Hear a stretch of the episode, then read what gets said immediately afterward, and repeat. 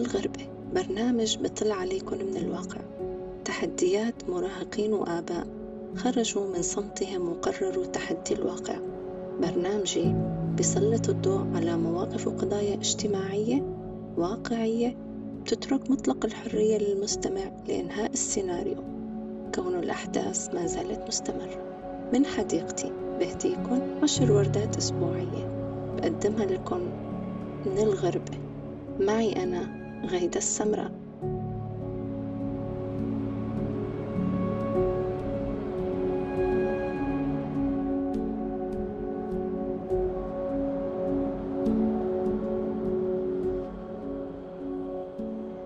تمييز أم تهيؤات وحجج أنت شو بتسميها بعد ما رح تسمع هاي القصة؟ هي ممارسة حق الحرية المشروع للشباب المراهق والخروج من قيود المجتمع الغير منطقية بحسب رأي المراهق.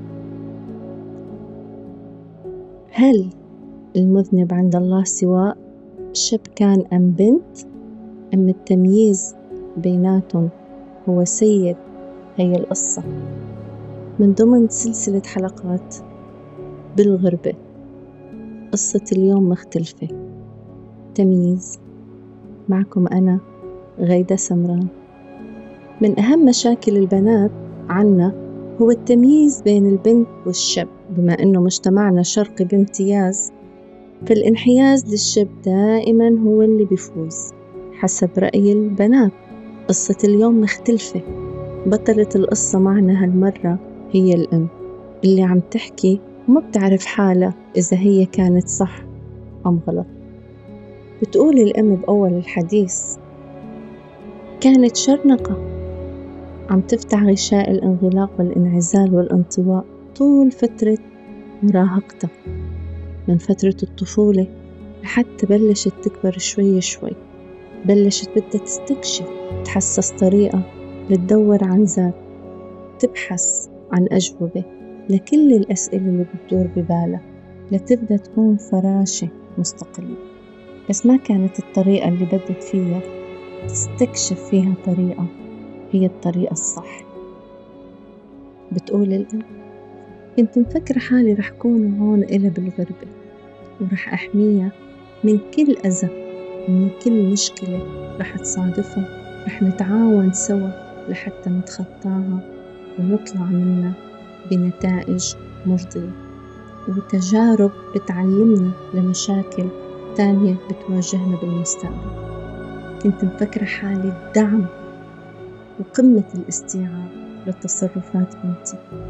بس للأسف طلعت ما بعرف بنتي أو يمكن ما بعرف حالي أو يمكن كنت أنا غلط ما بعرف. كنا نحكي كتير ونتناقش كتير عن شغلات مثل الرفقة وهي بلشت تكبر وتدق جرس عمر المراهقة. بلشت تكبر وتدق جرس عمر المراهقة. كانت رفيقتي بالغربة. مشاريعنا طلعاتنا رحلاتنا جمعاتنا حتى ضحكاتنا. كانت تحكي قصة حب بس هذا الحب كان من نوع تاني غير حب البنت لأمها وحب الأم لبنتها. كان شي كتير عميق. ما كنت أتخيل بيوم بحياتي يمر من دونه أو إني نام عم خده وما تكون موجودة بنفس البيت. البيت كله ينادي البيت كله ينادي باسمه أبوه أخواته. حنانة عليهم كان أكتر من حناني ولهفتها بطبخاتها البسيطة اللي بتحمل كل لقمة فيها نكهة البراءة والحب اللي نابعة من قلبها.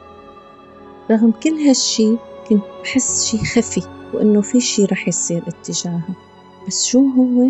ما بعرف. بس إحساس الأم كان على طول ينبهني. في شي رح يصير. أنا بعترف إنه كانت تصير مشاكل بالبيت وهذا وضع طبيعي بكل المجتمعات بمختلف أنواعها. كان داخل كل مشكلة طرفين متنازعين ولكل طرف حجته وأسباب منا البسيط ومنا اللي بيؤدي لكوارث ومنا أصلا ما بيكون مشكلة مثل ما صار مع بنتي. هو سبب مختلق لتعليق أخطائها على شماعة الأسباب الواهية. بدأ كل شي بالصدفة. لما كانت عم تحكي محادثة جماعية مع رفقاتها وكانوا عم بيحكوا عن الأمهات بلغة البلد المقيمين فيها. واحدة منهم قالت أنا أمي بحسها مثل الرادار بتراقب كل تصرفاتي. وين فتت ووين طلعت أي ساعة فقت وأيمتى نمت إمتى أكلت وإمتى تحممت. التانية قالت أنا أمي كتير متعبة. عندها هوس شي اسمه نظافة. كل شوي قومي إجلي. رتبي كنسي مسحي. وأكتر شي كان يضايقني إنه كانت تناديني على الموبايل. هي كيف بتصير؟ وهي كيف بتساويها؟ كنت كتير أخجل من المعلمات لما يسألوني أمك ليش ما بتبعت إيميلات؟ وليش ما بتفوت على موقع المدرسة وتقرا بخجل إنه الأم أمي جاهلة وما بتعرف شي بالتكنولوجيا. بتكمل الأم وبتقول كنت عم أتخيل كلمات براسي. شو رح تحكي بنتي عني؟ شو رح تقلن وأنا مبتسمة وعم بتضحك. يا ترى رح تقلن ماما رفيقتي؟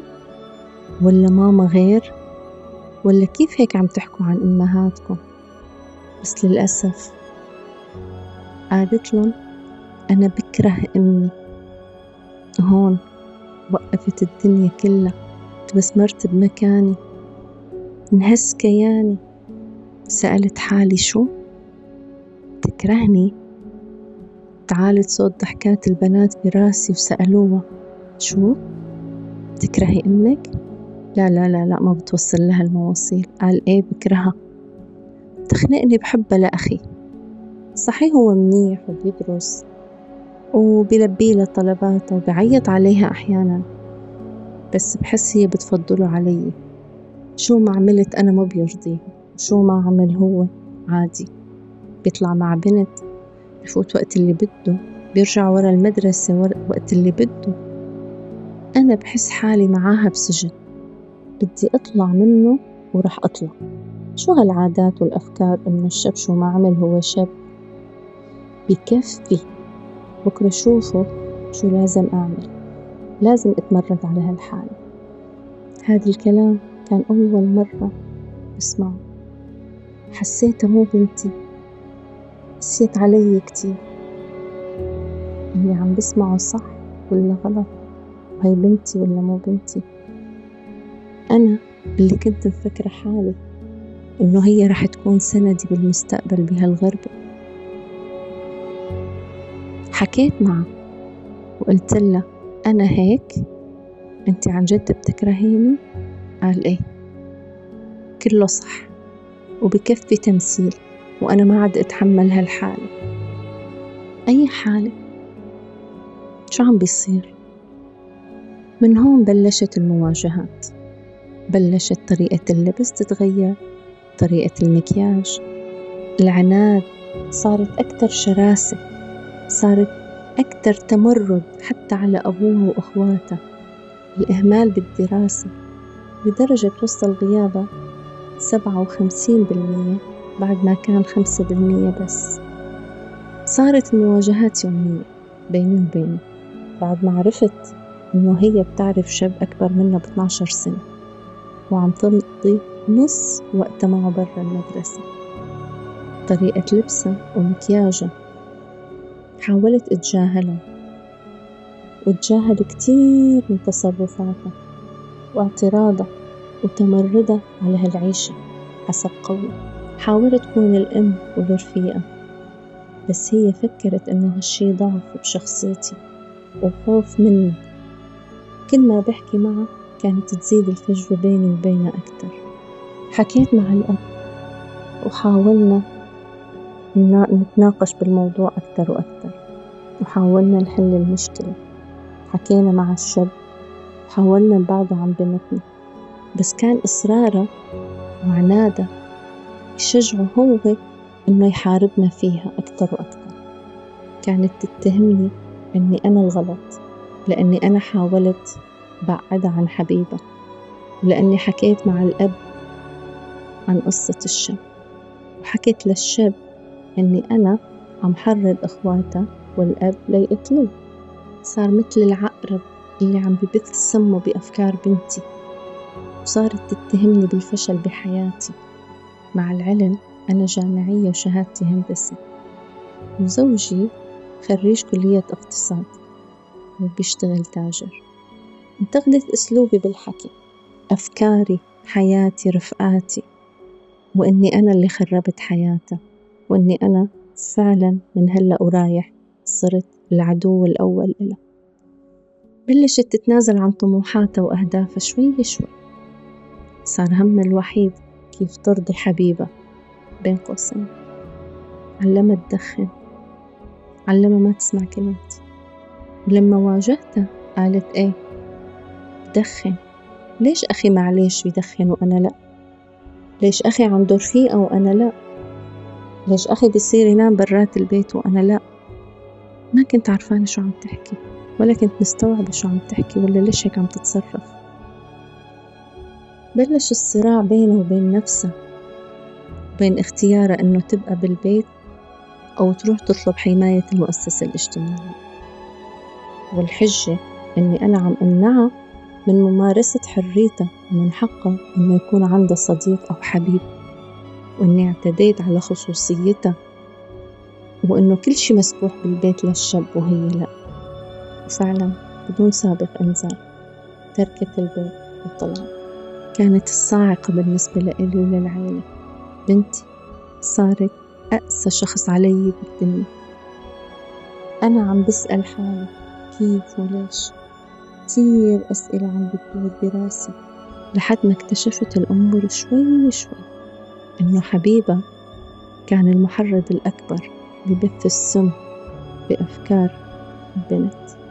بلشت تسمع كلمته وتنساق وراه مثل النعجة وكل كلمة بيحكيها بتكون مطاعة تحت اسم الحب وحجة التمييز بين الإخوة وإنه هون بالبلد أنت كل شي مسموح لك تعملي.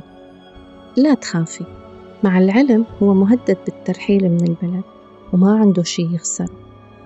ولكن كان كلامي عنه وإصراري أنه يبعدوا عن بعض خلاه يحقد علي أكتر وينتقم مني عن طريق بنتي بالإضافة أنه هي أصلا مؤهلة نفسيا لسماع كلمته والانصياع له بدت تبعت لي رسائل إلي ولأخوه رسائل استفزازية.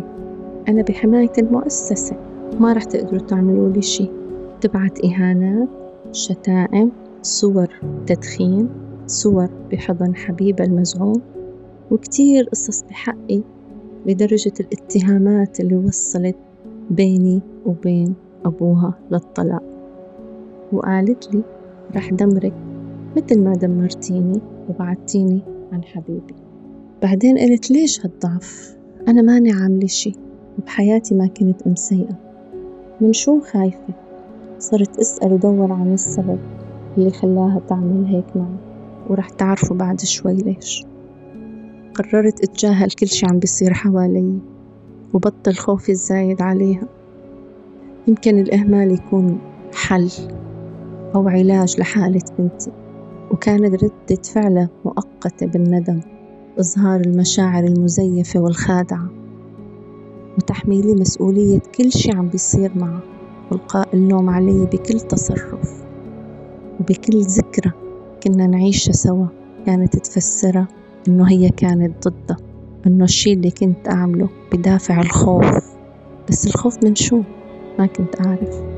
بعد فترة بلشت تبدأ عليها معالم وسلوك الانحراف النفسي والجسدي والبحث عن الاستقلالية المزيفة والانفتاح على عالم ما في حدود للتمرد.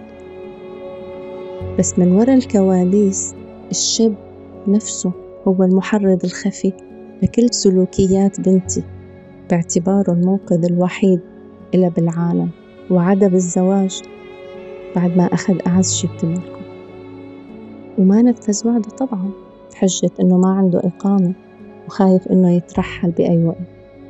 وصارت تايهة أكتر وأكتر وصارت تعاقب حالها تجريح نفسها محاولات الانتحار المتكررة. وغيرها وغيرها من الألم النفسي والمعنوي. بحجرة مظلمة براسة مليانة بالندم. سكتت الأمل والحسرة وكسرة القلب بتحسها بملامح وشه اللي كان كل مسام فيه بيسأل سؤال كان من واجبي بهديك اللحظة. إنه الأم تعرف ليش البنت عملت هيك. وللمصداقية كنت لازم أسمع من البنت. ولازم أوصل له بس كيف؟ ضليت حاول. وحاول بعد محاولات واتصالات بالمؤسسات الاجتماعية. قدرنا نحصل على ربع ساعة نحكي فيها مع البنت ونبرد قلب الأم على القليلة إنه شو عم تفكر البنت؟ كلمات مختصرة قالت لي إنها مو متزنة وبتفسيرات بتلوح بخيوط وهمية لتعليق أخطائها على شماعة التمييز. أنا كتير بغار. إيه بغار من أخواتي. بغار من إنه أمي تظهر حب وحنان لأخواتي. لأنه أمي بتخصني أنا وبس ومو مسموح لأي شخص يشاركني فيها حتى لو كانوا أخواتي. لما تحكي مع حدا وتحن لحدا تنصح حدا بحس إنه هي ما بتحبني. وبلش يكبر هالشعور شوي شوي لما كان نكبر وتكبر مشاكلنا معنا صرت أطلع برات البيت دور على الحب والاهتمام برا البيت. بحجة إنه عم بتميز بيني وبين إخواتي.